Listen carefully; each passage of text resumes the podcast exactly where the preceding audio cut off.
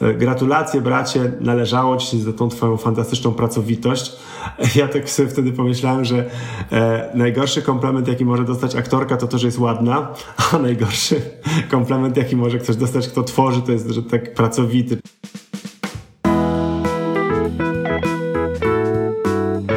Oglądałeś film Jiro śni o sushi? Jeżeli tak, to chciałam Ci powiedzieć, że mój obecny gość to jest właśnie Giro w świecie komunikacji. Jeżeli nie, to koniecznie obejrzyj ten film, bo jak żaden inny opowiada o tym, jak być dobrym rzemieślnikiem w swoim fachu, jak żyć pasją do swojego zawodu przez całe swoje życie, opowiada o blaskach i o cieniach pasji. A ja dziś z moim gościem porozmawiam o komunikacji, o tworzeniu treści, które stają się wiralami, co składa się na właśnie viral i co powoduje, że nasza dobra intencja zmieniania świata przez dobre treści staje się możliwa do zrealizowania. Piotr Budzki w pięciu słowach. Mózg, nauka, empatia, pokora i szczęście. To byłyby takie pięć słów, które są dla mnie e, istotne i w których zawiera się bardzo dużo. E, myślę, że jeśli chodzi o mózg, to jest moja taka główna fascynacja, bo oczywiście fascynuje mnie człowiek jako całość, ale wiadomo, że większością jego procesów steruje mózg. E, bardzo, bardzo istotne jest dla mnie weryfikowanie rzeczywistości metodą naukową. Mimo, że czasami dla wielu osób e, jest to sprzeczne z moją, z moją świadomą e, i wybraną e, wiarą chrześcijańską ewangelika wyznania augsburskiego. Na pewno jest to empatia, bo uważam, że nie ma ważniejszego narzędzia, które warto kształcić u ludzi, które jest podstawą w zasadzie wszystkich działań, zarówno marketingowych, komunikacyjnych, projektowych, jak właśnie empatia, w tym empatia poznawcza.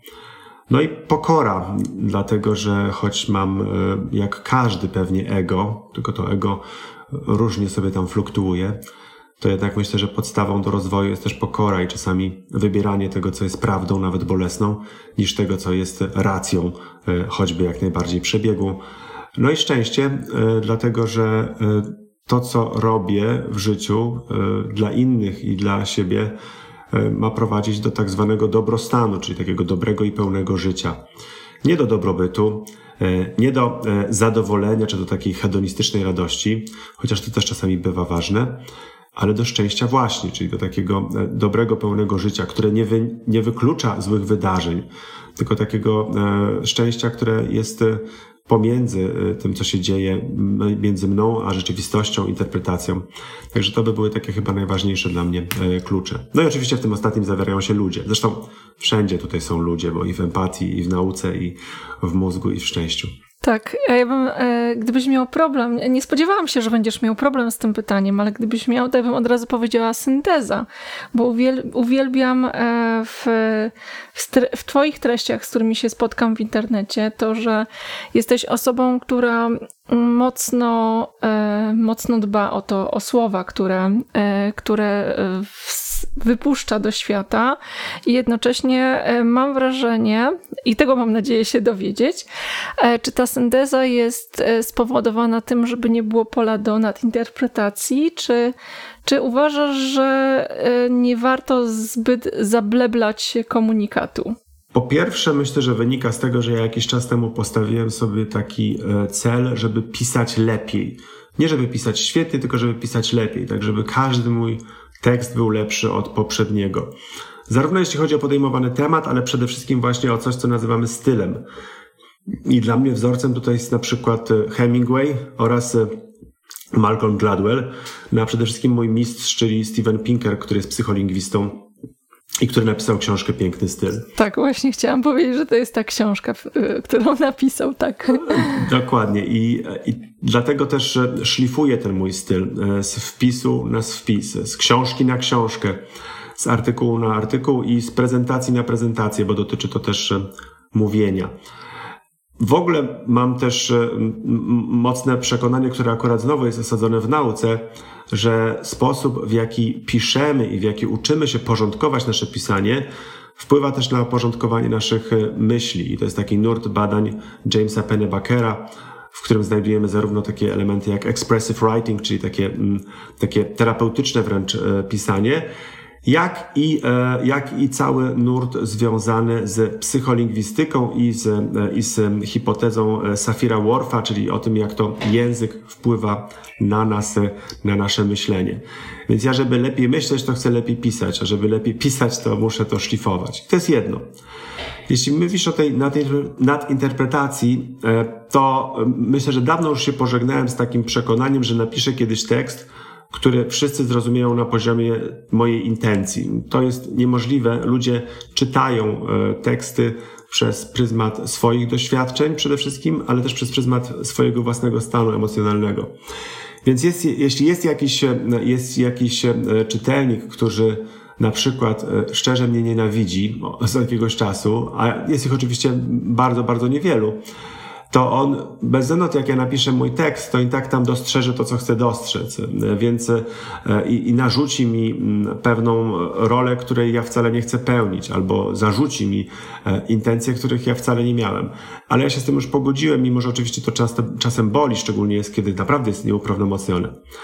Ale bardzo też często jest tak, że większość ludzi rezonuje z tym, co pisze. I to jest oczywiście też kwestia e, właśnie tej mojego obszaru badawczego, czyli e, takiego e, języka, który który wzbudza empatię, ale wzbudza ją przez taki wspólny język doświadczenia.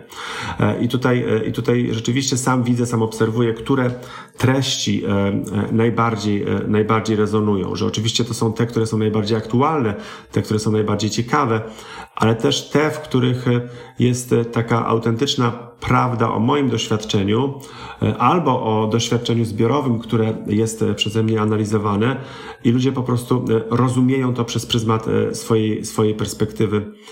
I to jest na pewno piękne. No i to szlifowanie też wynika z tego, że ja po prostu naprawdę lubię pisać. To gdybym miał powiedzieć, że są dwie rzeczy, które lubię, kocham robić najbardziej, to jest to pisać i uczyć edukować. No i to uczyć edukować zawiera oczywiście prowadzenie zajęć na studiach, prowadzenie szkoleń, wzmacnianie ludzi, e, edukowanie formami online, ale też e, pisanie. No ale z kolei jest też samo pisanie, więc e, myślę, że prędzej czy później ja się odważę na jakąś formę też beletrystyczną, tylko że będzie to z pewnością opowiadanie, bo jak bo jak pokazuje wiele, wiele doświadczeń, to napisanie powieści od razu jest naprawdę mm, e, nie lada wyczynem, więc wolałbym e, najpierw szlifować na krótkich opowiadaniach. To są bardzo wdzięczne formy. Bardzo to lubię. I myślę, że z tego też wynika to, że w internecie póki co e, nie zdecydowałem się na pełną formę podcastową, że nie zdecydowałem się nigdy na pełną formę wideo. Moją materią jest, jest pióro, i choćby nie wiem, jak ono słabło, przynajmniej na razie, znaczy nie moje, tylko w ogóle popularność czytania, to i tak na razie to będę kontynuował. To znaczy, myślę, że oczywiście z czasem przemyślę kwestie podcastów, do których po prostu wszyscy już mnie namawiają, prawie których spotykam, bo mówią, że, bo było, mówią, że byłoby im wygodniej e, i że, i że bardzo by to było fajne. Ale ja naprawdę lubię pisać. Ja lubię, jak powstaje zdanie, potem lubię na nie patrzeć, potem lubię je przestawiać, e, oglądać i, i bawić się nim. E, I lubię też, e, lubię też e, patrzeć na innych, którzy piszą świetnie. To też jest fajna inspiracja. Mimo, że czasem mają zupełnie inny styl ode mnie i sięgają po inne środki. Tak jak na przykład Janina Bąk, czyli Janina Daly, którą ubóstwiam, jeśli chodzi o jej sposób pisania. Ona ma jednak niewiarygodną wręcz umiejętność, a może po prostu wyszlifowała sobie też umiejętność tworzenia fantastycznych, absurdalnych metafor, porównań. Ma giętki bardzo język, jeśli chodzi o takie, e, o, o takie, o, o, o nowe frazy, o tworzenie nowych e, związków frazeologicznych. I myślę, że w tym czasem można dopatrywać praktycznie takiego, e, no, Słonimskiego i Tuwima w jednym, oczywiście w świecie popularno-naukowym. E, bardzo lubię też e, czytać, e, czytać chociażby, czytać chociażby Konrada Kruczkowskiego, szczególnie jego cykl Halo tu Ziemia. Bardzo, bardzo lubię też pracę Kasi, Kasi Kominiarczuk, Kasi Czajki Kominiarczuk. E, mimo, że jej styl jest bar- przeciwieństwem mojego, jej styl jest e, no, takim potężnym, wylewnym stylem. E, Ona pisze bardzo dużo i bardzo intensywnie, ale lubię czytać, zwłaszcza, że ona ma potężną wiedzę. I myślę, że to jest tak, że im więcej człowiek czyta, tym bardziej, tym lepiej pisze. No. No właśnie, bo e, tak jak zacząłeś o tym mówić, szlifowaniu swojego, e, e, swojego pisania, to od razu pomyślałam sobie, że zapewne, no i to potwier- potwierdziłeś częściowo, jeżeli źle zrozumiałam, to zaprzecz, sposobem na szlifowanie na, naszego stylu pisania jest czytanie. Jest czytanie, ale też pisanie. To znaczy, pisarz A co robisz konkretnie? Jak, bo jak mnie, mnie interesuje sam proces. W jaki sposób określasz, mówisz, że chcesz, żeby twój każdy tekst był lepszy. E, Kto to ocenia? Czy ty to oceniasz, że to jest lepsze? Czy jesteś w stanie się zdystansować do swojego tekstu, żeby po- pomyśleć sobie, e, no ten jest lepszy, bo e, czy dajesz komuś, kto to czyta? Nie, no jedyne osoby, które to czytają, to są czytelnicy i czasami jeszcze daję to mojemu przyjacielowi, żeby sprawdził, czy nie zrobiłem jakichś koszmarnych e, błędów e, literówek czy ortografów, e, bo, bo to jest coś, czego nie chcę robić, a czasami, czasami to się zdarza. Oczywiście, że to nie jest tak, że no chcę, żeby był jeden lepszy od drugiego, to nie jest tak, że to jest taki mm, wzrost wykładniczy i że, i że to po prostu strzela w kierunku kosmosu. Natomiast widzę ewidentnie, że, e, że z czasem ten styl się e, upraszcza, że jest, że jest, że jest lepszy, no, porównując w dłuższych, w dłuższych okresach. Natomiast e, jeśli chodzi, e, jeśli chodzi o mm, pisanie no, na przykład książek, no to też mam wtedy opinię redaktorów i tutaj muszę, no, nie wiem czy się pochwalić, czy po prostu przyznać, ale większość redaktorów, którzy ze mną e, pracowali, jeśli nie wszyscy, no powiedzieli, że to jest dla nich wręcz przyjemność, bo w zasadzie poprawiają tylko, e, poprawiają tylko przecinki i czasami coś tam zmieniają, e, nie muszą ratować tekstu. E, I to, i to, była, to jest zawsze dla mnie dobra wiadomość. E, Natomiast Myślę, że, e, że szlifowanie tekstu e, prowadzi też potem do mierzenia tekstu. Ja tutaj oczywiście korzystam naprawdę z narzędzi, e, z narzędzi sztucznej inteligencji po to, żeby też badać tekst pod kątem jego relacyjności, jego gęstości leksykalnej, jego zawartości zdań zbyt długich, jego indeksu mglistości tego tekstu. I też sobie patrzę to tak, także no... A z jakich narzędzi korzystasz, jeżeli A, możesz e, powiedzieć? Naj, dwa, dwa najprostsze narzędzia, e, z których e, korzystam najczęściej, to dla tekstów angielskich to jest Hemingway App. E, To jest prosta aplikacja, która e, mierzy podstawowe e, wskaźniki, e, wskaźniki w tekście. Dla polskich tekstów mam podobną i jest to, e, jest to e, narzędzie, jest to narzędzie Jasnopis. E, Natomiast jeśli chodzi o takie bardziej zaawansowane, ale to tylko w języku angielskim, to jest to na przykład takie narzędzie Linguistic Inquiry and Word Count. To jest e, narzędzie z akronim LIFTS. E, I tam bada takie wskaźniki jak występowanie zaimków w pierwszej osobie, ich zagęszczenie. E, Jest tam też badanie słów e, e, emocjonalnych, czyli pobudzających emocje, emotogennych, pozytywności, autentyczności. Jest bardzo fajne nowe narzędzie polskie, takie, które nazywa się Logios i ono w wersji bezpłatnej jest do zabawy logios.dev i tam też można badać bardzo dużo ciekawych rzeczy. E, Jest, e, są różnego rodzaju e, analizy, e, analizery tekstów, E, Są takie, które pokazują na konkretne części mowy. Większość z nich na razie póki co e, po angielsku, ale z tych wymienionych to będzie jasnopis, logios e, i podobno polska wersja e, LIFC ma powstać na, e, na lubelskim, e, czy katolickim Uniwersytecie Lubelskim, więc Okej. można czekać. Bo e, ja tak myśląc, jak powiedziałaś o tym, że, że starasz się, e, żeby twoje teksty były lepsze, to my- pomyślałam sobie od razu, że e, kiedy rozwijamy się w jakiejś dziedzinie, to idziemy do e, osoby, która coś robi lepiej niż my i od niej się uczymy, albo dajemy coś do weryfikacji, co często pada w kontekście e, Toastmasters, że to jest e, grupa do uczenia się mówienia publicznego, przemawiania, tylko na jakiś pewien etap, ponieważ e, w gruncie rzeczy jesteś otoczony przez ludzi, którzy są amatorami a, e, w takim pozytywnym sensie tego słowa, czyli ty, czyli ci, którzy kochają to, co robią. Natomiast e, oni nie widzą, e, nie widzą tego, w którym kierunku się zmieniać, żeby nie, znają dobrej teorii, która by mogła mm, po, popchnąć w odpowiednim kierunku.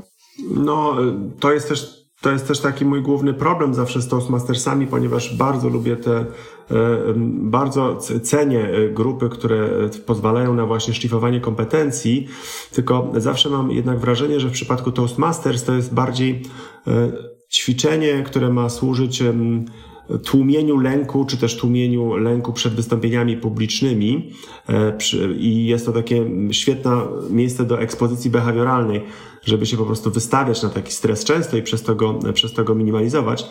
Natomiast jeśli chodzi o, e, o samą właśnie e, dobrą teorię, szczególnie osadzoną w psycholingwistyce i w psychologii poznawczej, to tam tego nie ma i e, osoby, które no, oczywiście dają feedback, który ma świetne same intencje, to często dają ten feedback, no w zasadzie można powiedzieć bezpodstawnie, bo on jest subiektywnym feedbackiem, który no bardziej mówi podoba mi się, nie podoba mm -hmm. mi się, mhm. prawda? Który dodatkowo Oczywiście może możemy... być sprzeczny, prawda? Bo każdy może mieć inne odczucia.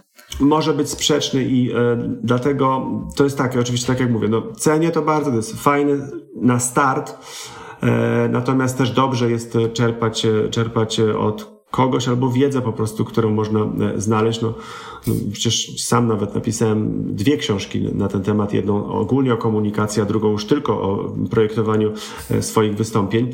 E, ale jest tych książek też więcej, przecież nie tylko moje.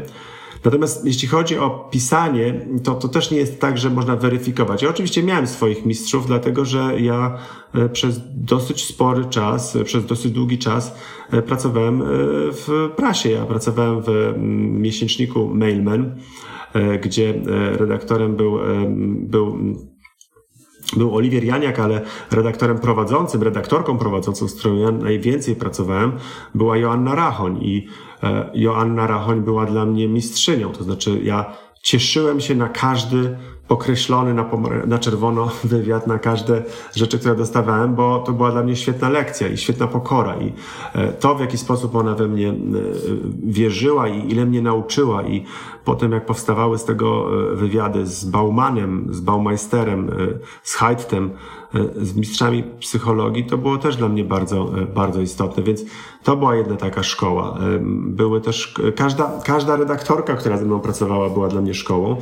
No poza tym też sam pracowałem jako redaktor, e, nie e, redaktor prowadzący, e, znaczy nie redaktor językowy, tylko redaktor właśnie prowadzący w Gdańskim Wydawnictwie Psychologicznym, więc tam też, no, pracowałem nad procesem powstawania książki, nie byłem redaktorem językowym, no ale też wiele mnie uczyła chociażby praca z redaktorami językowymi, dlatego też do dzisiaj bardzo cenię e, redaktorów i e, e, absolutnie, totalnie uznaję, że dobry pisarz, czy dobry w ogóle, dobry twórca, który posługuje się słowem, naprawdę musi mieć dobrego redaktora, tak? I e, to jest tak, jak takie pary redaktorskie czasami nawet powstają i ten redaktor może mieć duży wpływ nie na, nie na treść, ale po prostu na, na styl, na tą jasność, bo on ma tę właśnie obiektywną bardziej perspektywę niż, niż sam pisarz. Mhm, to prawda. Sama też korzystam z usług redaktorki, korektorki w swoich tekstach, więc y, po porównaniu później doceniam, doceniam tą pracę. Jesteś autorem wielu książek. Wspomniałeś o tym, że napisałeś dwie książki, przynajmniej dwie o prezent- e, e, jedną o komunikacji, ostatnia twoja książka o prezentacjach. E, dla mnie jesteś osobą, która dba mocno i z tego, co mówisz, rzeczywiście w praktyce o swój język, czyli o jakość. A napisałeś książkę, która idzie bardziej w kierunku, mam wrażenie, ilość.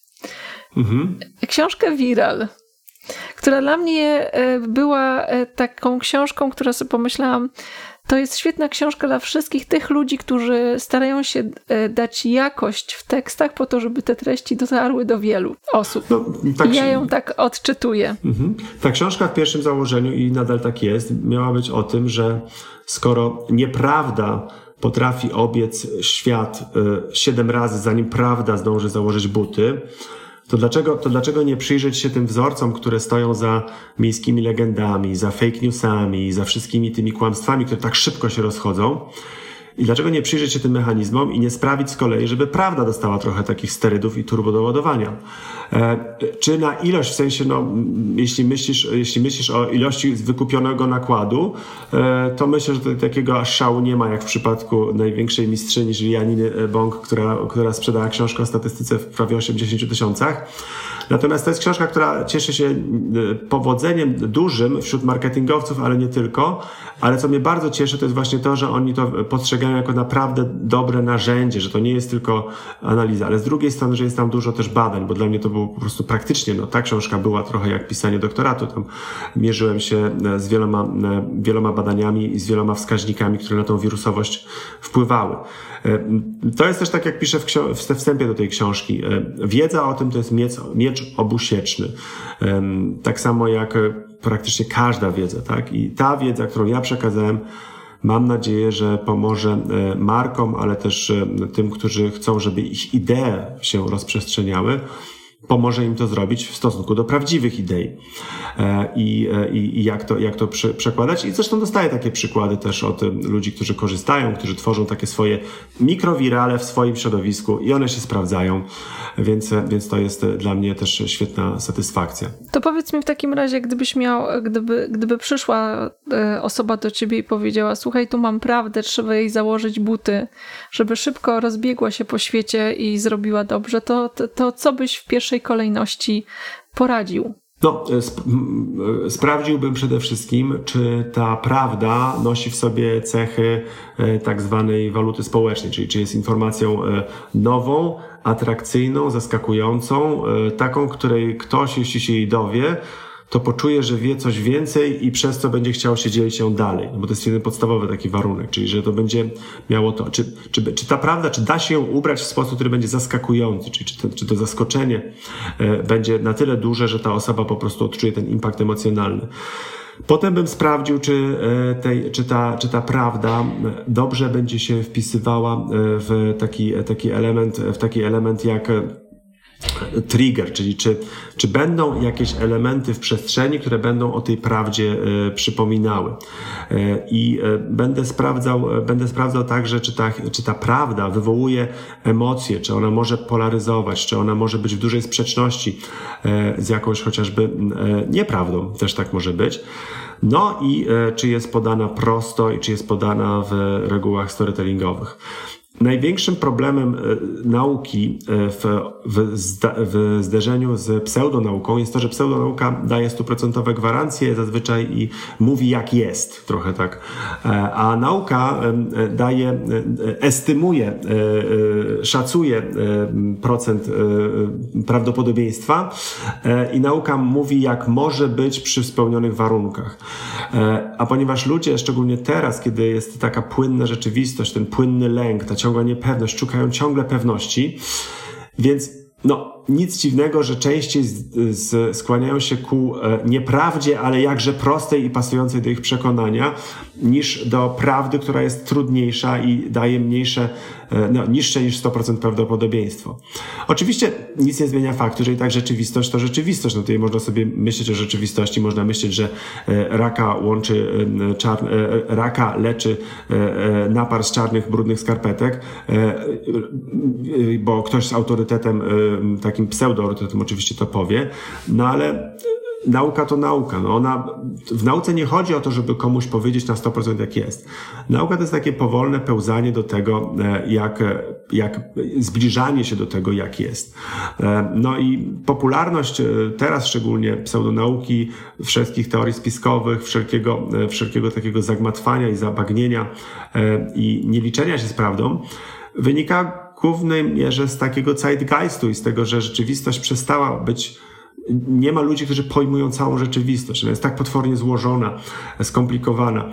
I w takiej rzeczywistości gorzej radzą sobie e, ludzie, którzy poszukują stałości i bezpieczeństwa. E, I częściej są to e, takie, jak mówi profesor Jonathan Haidt, takie umysły prawicowe, ale takie e, usztywnione, czyli one e, konserwatywne, usztywnione, które boją się zmiany, które nie potrafią zrozumieć tej nieprzewidywalności.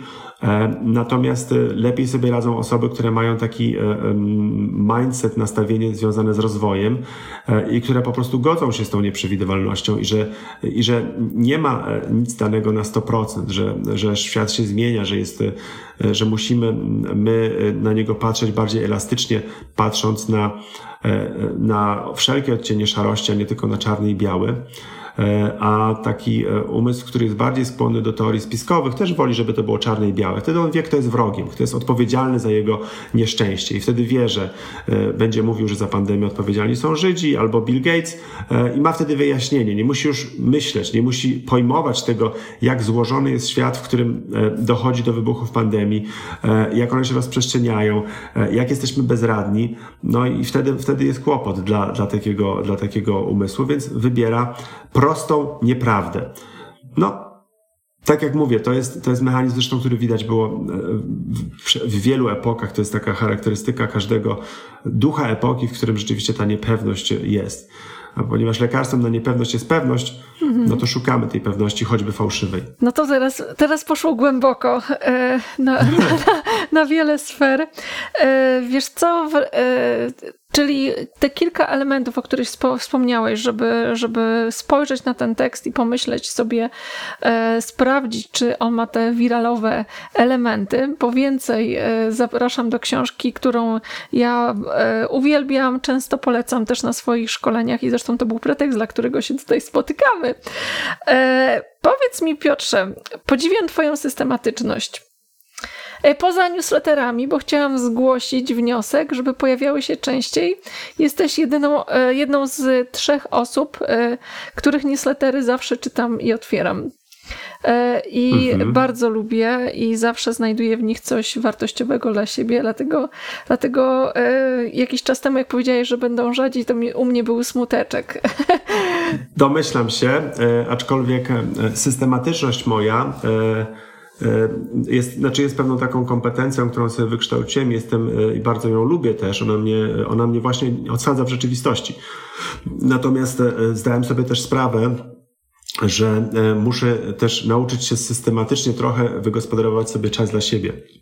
I stąd też takie moje decyzje czasem, żeby rzeczywiście zwolnić. I akurat ten newsletter pomyślałem sobie, że będzie po prostu raz w miesiącu E, natomiast, że będzie e, zawierał wszystko, co się w tym miesiącu e, wydarzyło. Tak, ja, ja rozumiem i doceniam, ja go otwieram, ja go czytam, natomiast chciałam powiedzieć, że pomimo tego, że piszesz rzadziej w swoim newsletterze, to wynagradzasz mi to w treściach, które regularnie tworzysz u siebie na blogu i w social media. I, i za każdym razem, jak to czytam, sobie myślę, Bucki, jak ty to robisz, że tyle piszesz, e, że to jest tak e, cudownie wygładzone, że to jest taki kamień za każdym razem, który mam wrażenie, że musiałeś tyle razy obracać w tej wodzie, żeby on był wygładzony.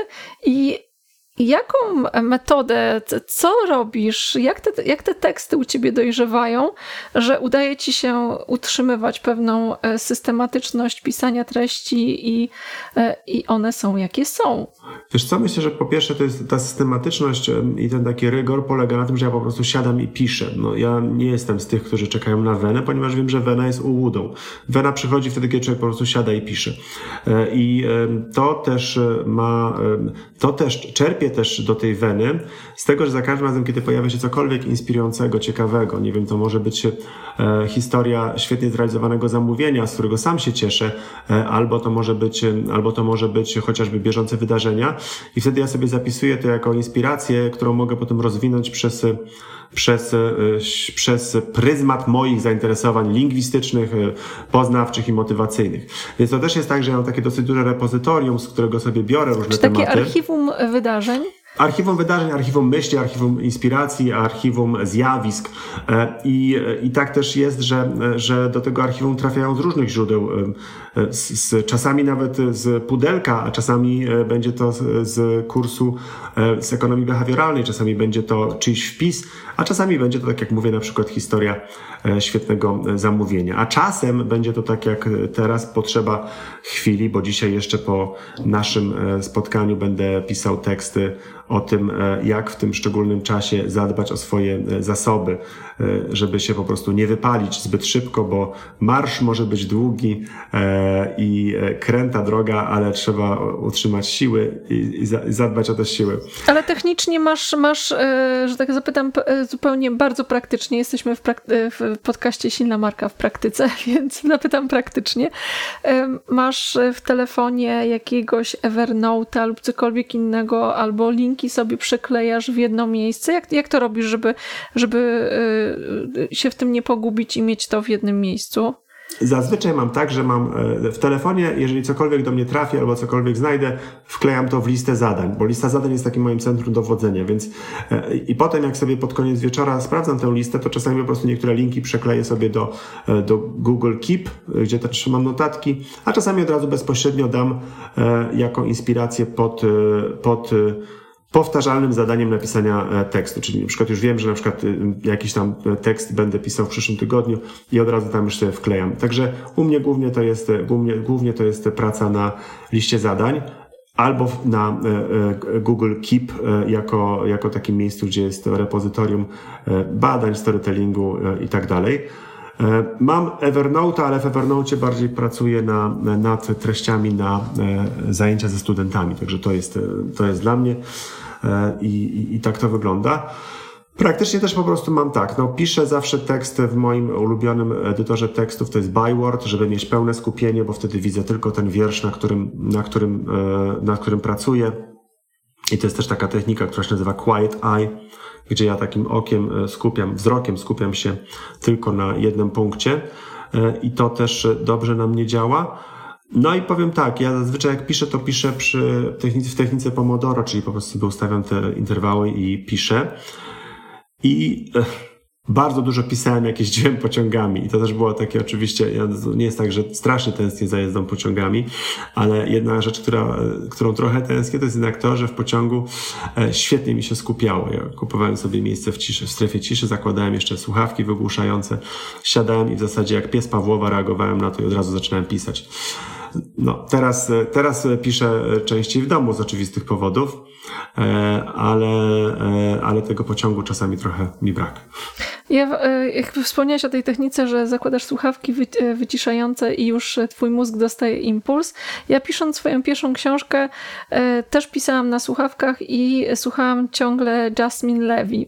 I to na mój mózg rzeczywiście tak zadziałało, że później wystarczyło, że włączałam Jasmine Levy, ja już wiedziałam, że to jest tryb pisania. E, teraz przerzuciłam mhm. się na Bacha, no bo... na wiolonczeli i to jest dokładnie tak mhm. na mnie działa, że, że po prostu w ten sposób to programuję. Czy ty Świetnie, bo to, jest, bo to jest taki, no to co mówisz, to jest po prostu doskonały przykład tak zwanego kondycjonowania się, czyli warunkowania się, czyli kiedy, no tak jak y, określony dźwięk na Netflixie ma nas y, kondycjonować, że za chwilę będzie rozrywka, tak samo można sobie stworzyć taki dźwięk, który się konsekwentnie powtarza i który nas, który nas kondycjonuje, że ok, będzie teraz praca, praca głęboka na przykład. I e, u mnie to jest zawsze tykanie, bo ja mam tykanie zegara, ponieważ mam w aplikacji Pomodoro właśnie tykanie zegara, więc ja nakładam to na uszy, tykanie zegara, i to jest wszystko. Ja akurat przy muzyce e, rzadziej. Natomiast jeżeli już w ogóle muzykę, to wtedy mam, e, to wtedy mam jakieś dźwięki z przestrzeni kosmicznej. Przy muzyce często jednak e, mój mózg reaguje tak, że zaczyna się skupiać nie na tym, co robię, tylko na muzyce i to jest dlatego wolę dźwięk tykania, który jest równomierny i który tak działa na mnie właśnie jak na psa Pawłowa. A powiedz mi, czy określasz sobie jakieś limity w takim sensie, że, że e, znowu wrócę do czegoś, co te, technik, bo chciałabym, żeby to było praktyczne, o czym rozmawiamy, technik, które ja stosowałam e, szczególnie na początku, jak właśnie pisząc pierwszą książkę, nie, nie myślałam, że napiszę każdego dnia 10 stron, tylko założyłam sobie, że każdego dnia siadam i przez półtora godziny robię coś związanego z książką. Czy ty w, ty, w utrzymaniu tej swojej systematyczności masz jakieś takie zasady, które pozwalają ci e, wy, wypracować e, pewien proces i możesz już temu procesowi na tyle zaufać, że wiesz, że on co jakiś czas wypluwa z siebie tekst, tak? Mhm. E, przede wszystkim tak, jeżeli rozpoczynam pracę nad książką, to zawsze patrzę od momentu, od momentu deadline'u, tego ostatecznego terminu ustalonego przez wydawcę, wstecz odliczam sobie, e, i przeznaczam zawsze no, kilka miesięcy w tym czasie na sam research i siadam dopiero jak już mam zgromadzony e, research. E, I w pierwszym etapie to jest trochę tak, że się rozkręcam, czyli jest to godzina dziennie napisanie, potem zwiększam to do półtorej, a potem już w takim końcowym okresie miesiąca wyjeżdżam zazwyczaj na wieś i tam w takim totalnym odosobnieniu piszę po 5-6 godzin e, dziennie już wtedy. No i wtedy szlifuję całą książkę i odjeżdżam. Także na pewno nie mam założeń, że ten rozdział skończę albo coś. Nie, to jest właśnie e, na godziny. I e, najpierw research, potem pisanie. Trzeba wiedzieć też, kiedy, kiedy research zakończyć, że tak powiem, bo research jest bardzo przyjemny, czasem przyjemniejszy niż pisanie. Tak. Więc to jest taka forma prokrastynacji, prawda? A Oczywiście. jeszcze to sprawdzę, a to jeszcze przeczytam, a tego się Oczywiście. jeszcze dowiem i tak odwleka się ten moment, prawda? Oczywiście. E, a w takiej codzienności e, takich tekstów, które swoich wpisów na blogu, e, to też zakładasz, że każdego dnia musisz usiąść na tą godzinę i, i coś mhm. z, z, tym porobić? Jak to sobie planujesz? Dokładasz to do swojej listy zadań? Jest to Jest, z zadań? Wiesz co, ja mam akurat wpisy środowiskowe oraz wpisy sobotnie e, jako ustawione jako, e, jako zadania powtarzalne. E, a ponieważ zadanie powtarzalne, no to patrzę sobie zawsze przegląd dnia, no i wiem na przykład, że we wtorek muszę już rozpocząć pracę nad wpisem. W tym i w zeszłym tygodniu było nieco inaczej, bo w zeszłym tygodniu było I Love Marketing, więc było to no, duże, takie no, już bardzo intensywne zaburzenie normalnego rytmu. Mówię zaburzenie, chociaż to nie było nic złego oczywiście. No i, a w tym tygodniu no, z kolei bieżące wydarzenia i no jednak jakaś taka moja wewnętrzny imperatyw, żeby brać w nich udział, sprawiły, że też no wczoraj Wczoraj nie było, nie było czasu, żeby się dobrze przygotować do tego. Dzisiaj jeszcze po naszym, po naszym spotkaniu po prostu usiądę i napiszę. Mhm. I, jak, I tak jak mówię, no, siadam i wtedy też już, już piszę od początku do końca. Wy, wyłączam się ze środowiska i działam. Pozwalasz tekstowi odleżeć, czy, czy już teraz jesteś na takim etapie, że on już wiesz, że będzie gotowy i nie musi, nie, nie, nie wrzucasz go do głowy, nie, nie, żeby jeszcze po, pomyśleć, po prostu już wiesz, że że, że dobrze pójdzie, czy różnie po prostu? To jest różnie, chociaż na wielu etapach ja już po prostu, no, już jak siadam do, szczególnie w krótszej formie, jak siadam, to już absolutnie mam pewność, jak on będzie wyglądał. Znaczy mam w głowie ułożone, jak będzie wstęp, jak on będzie przebiegał, jak on będzie miał strukturę. E, więc, e, więc, więc to, jest, to jest dla mnie też już takie e, prostsze przy krótszych formach. Okej, okay. jeszcze będąc przy temacie wirali, czy wiralów, wirali chyba, prawda? Trudno znaleźć dobre słowo, bo nawet jak się mówi o no, viral, to jest słowo jednak, to jest anglicyzm. No, ja go bardzo lubię i tak się też uparłem, żeby książka się nazywała, no można powiedzieć, no, wirusowa opowieść, ale znowu nie każdy viral jest opowieścią. Mhm. wirusowe treści Znowu, nie przy wszystkich są zawsze dobrze e, e, rozumiane, szczególnie w kontekście, jak jest teraz pandemia, więc myślę, że to ma taki, taki, e, taki, taki układ, że, że można mówić chyba viral, virale, virali. Mhm, Okej. Okay. Tak, nawiązując do tego, co, co powiedziałeś wcześniej o tym, że prawda, że, że kłamstwo i te różne formy kłamstwa, które mamy teraz w rzeczywistości internetowej, patostreamy, fake newsy, że to po prostu obiega świat, zanim prawda zdąży założyć buty, to było fajne, fajne porównanie. Czy uważasz, że e, ta walka jest skazana E, na porażkę i że e, prawda tak naprawdę, e, o prawda tak naprawdę, i prawda jest skazana na ludzi, którzy są uważni, właśnie mają otwarty umysł i nie ma co przekonywać nieprzekonywanych? Czy może są jakieś sposoby na to, żeby dotrzeć z tym komunikatem? Myślę, że są ograniczone sposoby dotarcia do, z komunikatem do niezdecydowanych. To trochę tak jak przy wyborach, gdzie jeśli mamy taki solidny elektorat po jednej i po drugiej stronie, to można docierać do tych niezdecydowanych. Z jest tak, że ona po prostu y, bardzo często y, jest y, naprawdę dla nas niewygodna i to z różnych powodów. Tak naprawdę najważniejszym jest po prostu taki ewolucyjny, ewolucyjny powód, bo nasz mózg i w naszym mózgu wykształciły się wszystkie błędy poznawcze, heurystyki, błędy w postrzeganiu świata, błędy w szacowaniu prawdopodobieństwa pojawiły się z jakiegoś powodu no, ewolucyjnego, żebyśmy przetrwali. No ale teraz żeśmy przetrwali i w zasadzie jako gatunek weszliśmy w taką fazę, w którym warto by było poddać się tylko i wyłącznie krytycznemu myśleniu. Natomiast krytyczne myślenie nie znajduje zbyt wielu fanów, bo bardzo no to, często i boli, okazuje nie? się... To boli, po prostu zwyczajnie boli, No nie? bo, bo boli, bo trzeba się na przykład przyznać, że to, co myślę, jest, jest głupie, no, albo że moja obserwacja jest nieprawdziwa. No i to jest e, szczególna umiejętność. No i myślę też, że prawda, mm, tak jak no, wyzwala, ale też boli, prawda nas wyzwoli, ale prawda też boli, więc myślę, że prawda jest na wielu poziomach dla wielu ludzi po prostu e, za mocna, tak, że oni nie chcą. Zwłaszcza prawda też o, o samym sobie, o swoich motywacjach. A już najbardziej chyba ludzi boli prawda to taka, że my mamy bardzo ograniczony sposób wpływu na rzeczywistość i co więcej, że nie jesteśmy z tej rzeczywistości w jakiś magiczny sposób wyłączeni.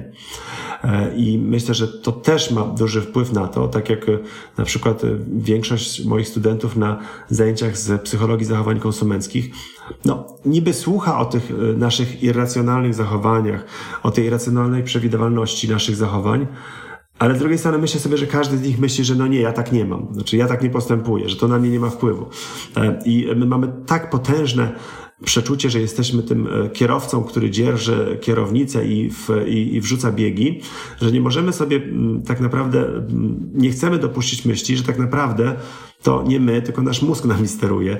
Jest taka fajna, fajna książka Gazanigi, Kto tu rządzi, ja czy mój mózg. No więc tutaj myślę tak, Drogą do tego, żeby większość ludzi była zainteresowanych, zaciekawianych prawdą, kochała prawdę, jest po prostu edukacja. Tylko edukacja w pewnym nurcie, który właśnie edukuje się w kierunku nie wkładania do głowy wiedzy i, rozwiązywania testów, tylko myślenia i takiego właśnie kształcenia podejścia empirycznego, czyli o Boże, jakie to ciekawe, czego się mogę o sobie dowiedzieć, jakie to ciekawe, że ja tak podejmuję decyzję, albo jakie to ciekawe, że ja popełniłem takie głupstwo, albo dlaczego ja kłamię w zasadzie, nie? I żeby wiedzieć, z jakiego powodu się kłamie. To jest taki piękny wgląd w samego siebie. I tak świadomość. No ale ponieważ no, wiele systemów edukacyjnych, w tym nasz, raczej tego nie, temu nie sprzyja, no to jesteśmy w takiej sytuacji, w jakiej jesteśmy. E, I, I myślę, że póki co na razie e, czeka nas e, trochę taki czas bardzo, bardzo mocnej, płynnej, jeśli nie płynnej prawdy, to na pewno prawdy mocno, mocno zachwianej takiej. I to też nie jest tak, że no mamy, no oczywiście są pewne, pewne obszary, w których można mieć opinię, tak, opinię, nie wiem, moralną, etyczną, można mieć opinię co do zjawisk, czy to one są dobre, czy złe. Natomiast nauka pozwala nam dochodzić do faktów. No i tutaj nie można mieć opinii na temat tego, czy. Nie czy fakty są prawdziwe, czy nie. Tak, no to, to, to nie, no albo są faktem, albo nie są faktem, więc nie można mieć opinii na temat kształtu Ziemi. No, nauka ustaliła dawno, jaki jest kształt tej, tej Ziemi. Tak samo, tak samo nie można mieć opinii, opinii co do, co do tego, że nie wiem, homoseksualizm jest, jest wrodzony, czy nie. No bo to też już nauka ustaliła E, preferencję, preferencję e, homoseksualną. E, I tak jest, więc myślę, że dla wielu ludzi po prostu mm, te zdobycze nauki są o tyle niebezpieczne, że burzą ich światopogląd w tym sensie, że właśnie są w sprzeczności z ich opiniami, tak? Że oni by chcieli mieć, żeby ta ich opinia była jednak wiążąca. Mhm. Słuchaj, e, patrząc znowu na Twoją dbałość o język, na, e, na to, w jaki sposób ważysz swoje słowa, e, co byś doradził osobom, które chcą nie ranić w internecie, dać się dobrze zrozumieć? Czego unikać? Albo co robić, żeby właśnie e, ten język był taki klarowny, czysty e, i który, który będzie bardziej budował niż niszczył innych. Ja rozumiem, że nie da się wszystkich zadowolić, to, to nie jest intencją tego pytania, ale może, może, może masz jakieś takie zasady, których się trzymasz. Oprócz tego, że czasem e, pewnie nie odpowiadasz na pewne komentarze, bo już to widać, że nie, może nie, znaczy nie widziałam tego u ciebie, ale widziałam, spotkałam się z wieloma opiniami osób, które nie odpowiadają na pewne komentarze, bo uważają, że jakby to, to nie przyniesie żadnego rezultatu. No, ja bardzo często nie odpowiadam, dlatego że po prostu, e, tak jak kiedy wypuszczam już jakąś treść, to ona ma sobie żyć, tak? I e, ja potem już nie mam, mam bardzo mały wpływ na to, jak ona żyje. I mam też bardzo mały wpływ na ludzi, którzy tam komentują, no bo internet to nie jest miejsce do, do dyskusji, do rozmowy. To jest miejsce do wzmacniania swojej tożsamości. Większość osób chce sobie tam wzmocnić swoją tożsamość, więc czyjś komentarz jest tak naprawdę jej krzykiem, patrz, tutaj taki jestem, taki mam pogląd i co mi zrobisz, więc, więc na to nie odpowiadam, no bo to mógłbym tylko ja powiedzieć, a, taki, a taka jest moja tożsamość. A, a tak jak powiedziałem, no, merytoryczne debaty się nie zdarzają praktycznie w, w internecie. Jeśli chodzi o to ranienie, no to ja mam taką jedną zasadę, która w zasadzie mm, pochodzi, e, zasada, która w zasadzie pochodzi e, e, ze świętego, z listu świętego Pawła do Koryntian, gdzie on mówi o tym, że dla Żydów i stałem się dla Żydów jak Żyd, aby Żydów pozyskać. Dla tych, którzy są ponad prawem, jakbym był pod prawem. Znaczy, po, którzy są pod prawem, jakby pod prawem, aby pozyskać tych, którzy są pod prawem. I to jest tak, że w tym tekście jest po prostu jakaś niewiarygodna wręcz empatia, czy żeby, żeby zrozumieć i żeby móc się pochylić, żeby móc nauczać, ewangelizować w tym wypadku, e, potrzeba się stać tą osobą, której, której chcemy, której, z którą chcemy rozmawiać. I tak samo chyba powinno być z komentarzem, czyli zanim cokolwiek się odezwiesz, no to po prostu stań się tą osobą. Zanim skomentujesz e, wpis e, kobiety, która czuje się i ma niestety prawo czuć się e, zraniona, stłamszona, podeptana, sprowadzona do roli przedmiotu czy inkubatora, to zapytaj sam siebie, co ty wiesz tak naprawdę, tak? Z, z, jakiej pozycji ty występujesz? Czy stałeś się tą kobietą, żeby móc komentować? I to jest naprawdę bardzo, e, bardzo trudna postawa, ale też niezwykle piękna postawa, tak? Więc e, myślę, że to jest to, co się zasadza w empatii poznawczej. Jak to jest być tą osobą, tak? Więc to oczywiście trudno jest osiągnąć w internecie, ale, ale myślę, że warto. Znaczy ja, e, ja po prostu, ponieważ niektórych rzeczy jest mi bardzo trudno się w ogóle starać zrozumieć, znaczy nie starać, tylko bardzo trudno jest mi zrozumieć, to też nie podejmuję tej dyskusji. To znaczy w sensie nie, nie radzę, nie, nie radzę. Zresztą inną kategorią w ogóle są komentarze w internecie, które dotyczą takich właśnie rad, czyli takich wyrażających niby troskę, ale trochę tak jest, jak mówi to Anne Lamotte, że że troska to jest taka uśmiechnięta kontrola, że my radząc drugiemu człowiekowi, co ma robić, jak ma robić, szczególnie nie pytanie o swoje zdanie, ale tak naprawdę chcemy kontrolować jego życie, mówić mu, jak on ma żyć. A myślę, że jest coś takiego naprawdę nieprzyjemnego z narzucaniem się ze swoją taką mm, kontrolą innym, jak mają żyć, co mają robić, jak mają działać, co mają robić. Mi też niektórzy piszą czasami, o czym powinien być mój wpis. Znaczy, no ale jaki to ma, jaki to ma sens? Albo dlaczego ja się do tego nie odniosłem? No nie odniosłem się, bo się nie odniosłem, no. E, I mówię, no to jest, może to jest z wysokiego lotu, aczkolwiek te słowa ostatnio mi bardzo mm, chodzą w głowie właśnie z, z listu świętego Pawła do Koryntian, e, w którym on mówi o tym, że i stałem się dla Żydów jak Żyd, aby Żydów pozyskać, a dla tych, którzy są pod prawem, jakbym był pod prawem, aby pozyskać tych, którzy są pod prawem. Więc e, jeżeli myślisz, że ktoś, e, że ktoś cierpi, no to stań się osobą cierpiącą, żeby zrozumieć ją i dopiero potem się wypowiadać, a nie wypowiadać się z pozycji autorytetu, nie wiem, moralnego czy etycznego, nie mając w ogóle pojęcia o tym, e, co tam jest. Życie ludzkie jest bardzo złożone. E, I myślę, że taki chwila zatrzymania się i pomyślenia sobie, okej, okay, przecież ja mogę zranić tym komentarzem. Znaczy, to, to jest dla mnie w ogóle nieprawdopodobne, ponieważ no, szczerze, próbowałem ostatnio znaleźć jakikolwiek komentarz, którym ja bym komuś coś radził, albo komuś coś komentował w takim sensie, żeby mu powiedzieć, co ma zrobić, albo jak ma zrobić. Chyba, że ktoś ewidentnie pytał o to, no to jest trochę tak jak, no nie wiem, zapyta mnie znajoma, gdzie kupić najlepsze, e, gdzie kupić najlepsze faworki, no to pomyślę i pewnie nic nie odpowiem, bo nie wiem, ale e, jakby ktoś mnie zapytał o na przykład, e, słuchaj, jakie, jakie badania z psychologii poznawczej zajmują się uwagą, albo jakie z kolei procesy poznawcze można znaleźć w takich takich badaniach, no to po prostu bym pewnie pomógł, bo akurat to wiem, ale trochę tak jak mówi moja przyjaciółka, Pomagać to można za pieniądze, jak się jest terapeutą albo lekarzem. E, albo pomagać można oczywiście, jeżeli ktoś tej pomocy od nas potrzebuje i to wyraża. Natomiast takie pseudo pomaganie w internecie to jest dla mnie jakiś odjazd zupełny, tak? No, no, on się też na, no, nie rozumiem, jak można na przykład właśnie, nie wiem, wejść do kogoś na profil i powiedzieć mu, że jest za chudy, albo za gruby, albo że mm, lepiej wyglądał, jak miał tamtą fryzurę, albo tamtą fryzurę. I to jest oczywiście tak jakby niektórzy myśleli sobie, że ponieważ coś jest w internecie, to staje się jakąś publiczną własnością. Dają E, sobie a- prawo oceniania tego. Znaczy nawet nie tyle oceniania, bo oceniać to sobie można. Ja też mogę sobie usiąść i sobie pomyśleć, okej, kurde, e, nie wiem, e, Angelika miała tamte zdjęcie fajne, i albo to, a to mi się mniej podoba, ale, ale zostaję w tym etapie, nie piszę tego, no bo w zasadzie co to ma mm, oznaczać, tak? No, to, tam jakiś odjazd zupełny. Znaczy to, że ja sobie mogę coś pomyśleć, opinię bardzo łatwo jest stworzyć. To jest tak, że no, opinię można mieć bardzo łatwo, tylko naprawdę nie trzeba się ją dzielić. E, To jest, k- nie pamiętam, czy to było w... e, czy to było w e, Downton Abbey, czy, mm, e, czy w innym jakimś serialu, że, że, że opinie są trochę tak jak private parts, czyli no, niewymowne nasze części ciała.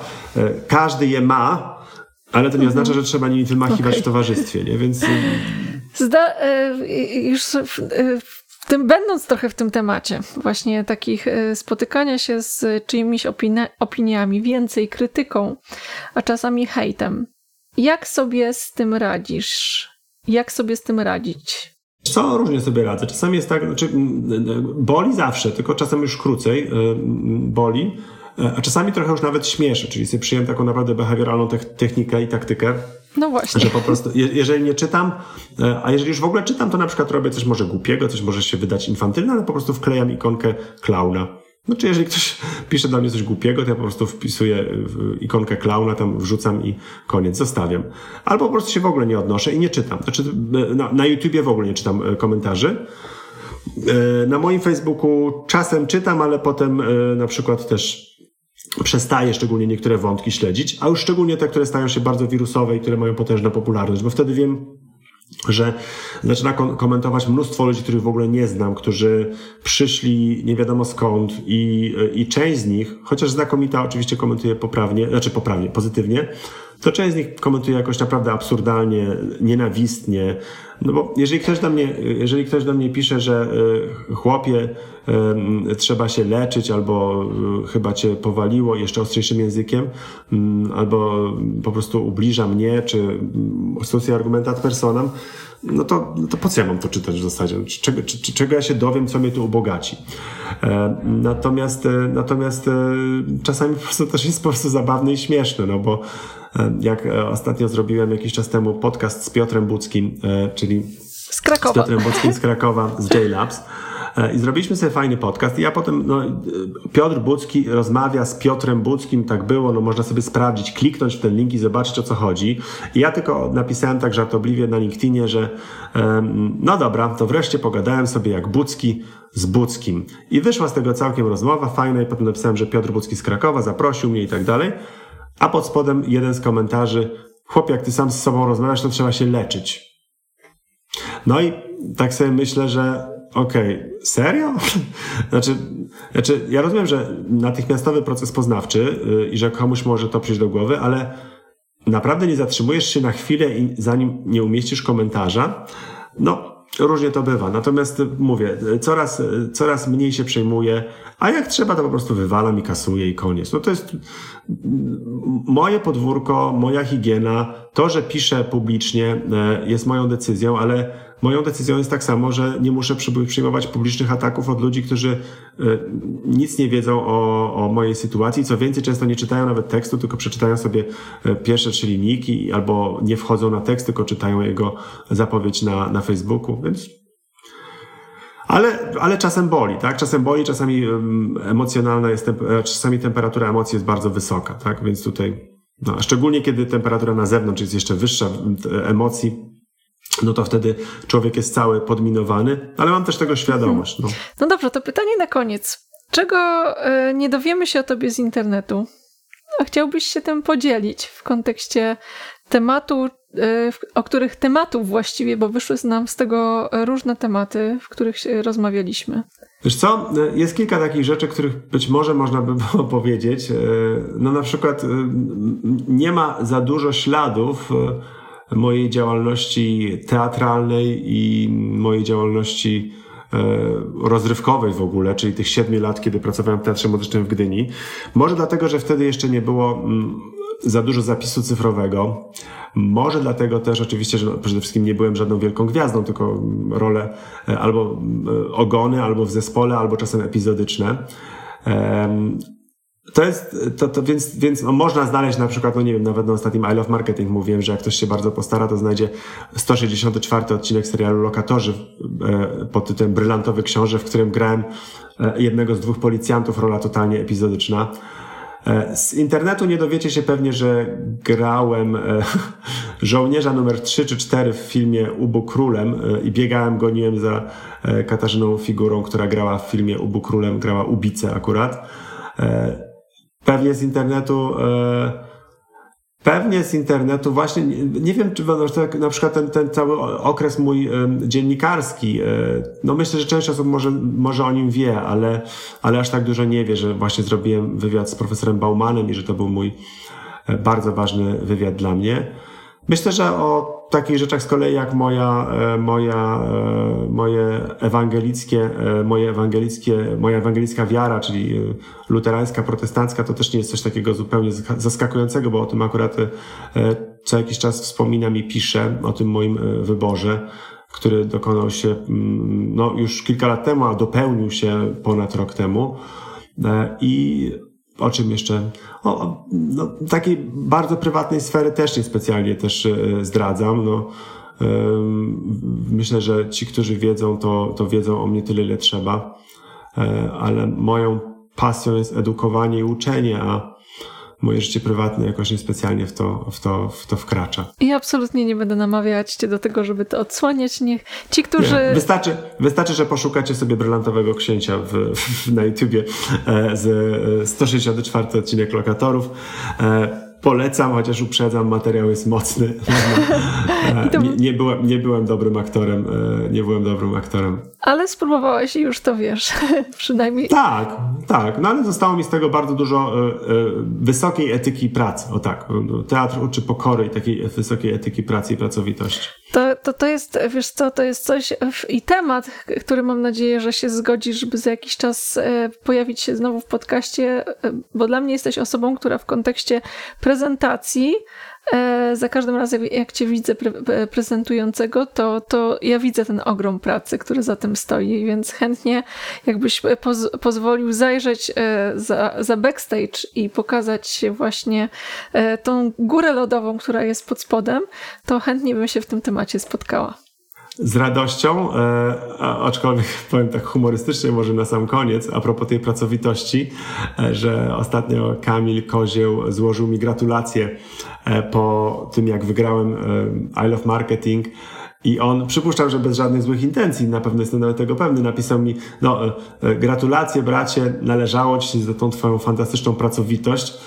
Ja tak sobie wtedy pomyślałem, że e, najgorszy komplement, jaki może dostać aktorka, to to, że jest ładna, a najgorszy komplement, jaki może ktoś dostać, kto tworzy, to jest, że tak pracowity, czyli że, że to jest. Ale ja mm, zawsze lubiłem sobie tą cechę tego, że ja jestem e, bardzo dobrym rzemieślnikiem, bardzo solidnym i to mi się bardzo podobało, a myślę, że e, jeśli jakiś taki talent się z tego rodzi, to, to wtedy też jest super.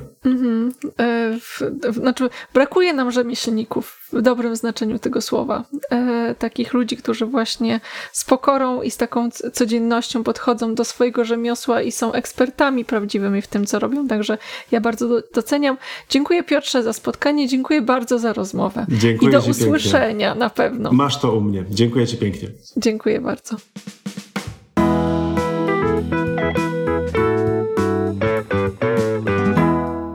Nadzieję, że tak jak ja po dzisiejszym spotkaniu z Piotrem Budzkim masz dziką chęć, żeby rzucić się do kartki papieru i zacząć pisać, zacząć tworzyć e, i swoimi treściami zmieniać świat na lepsze. Jestem przekonana, że teraz wiesz, jak to zrobić.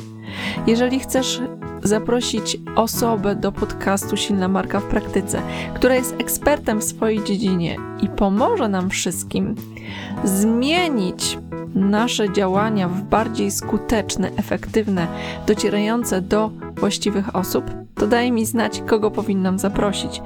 A dzisiaj już się żegnał i bardzo proszę, subskrybuj mój podcast, skomentuj, daj mi opinię w iTunesie, bo to pozwoli mi, żeby te treści, które tutaj stworzę, dotarły do większej grupy osób. Pozdrawiam i do usłyszenia w kolejnym odcinku.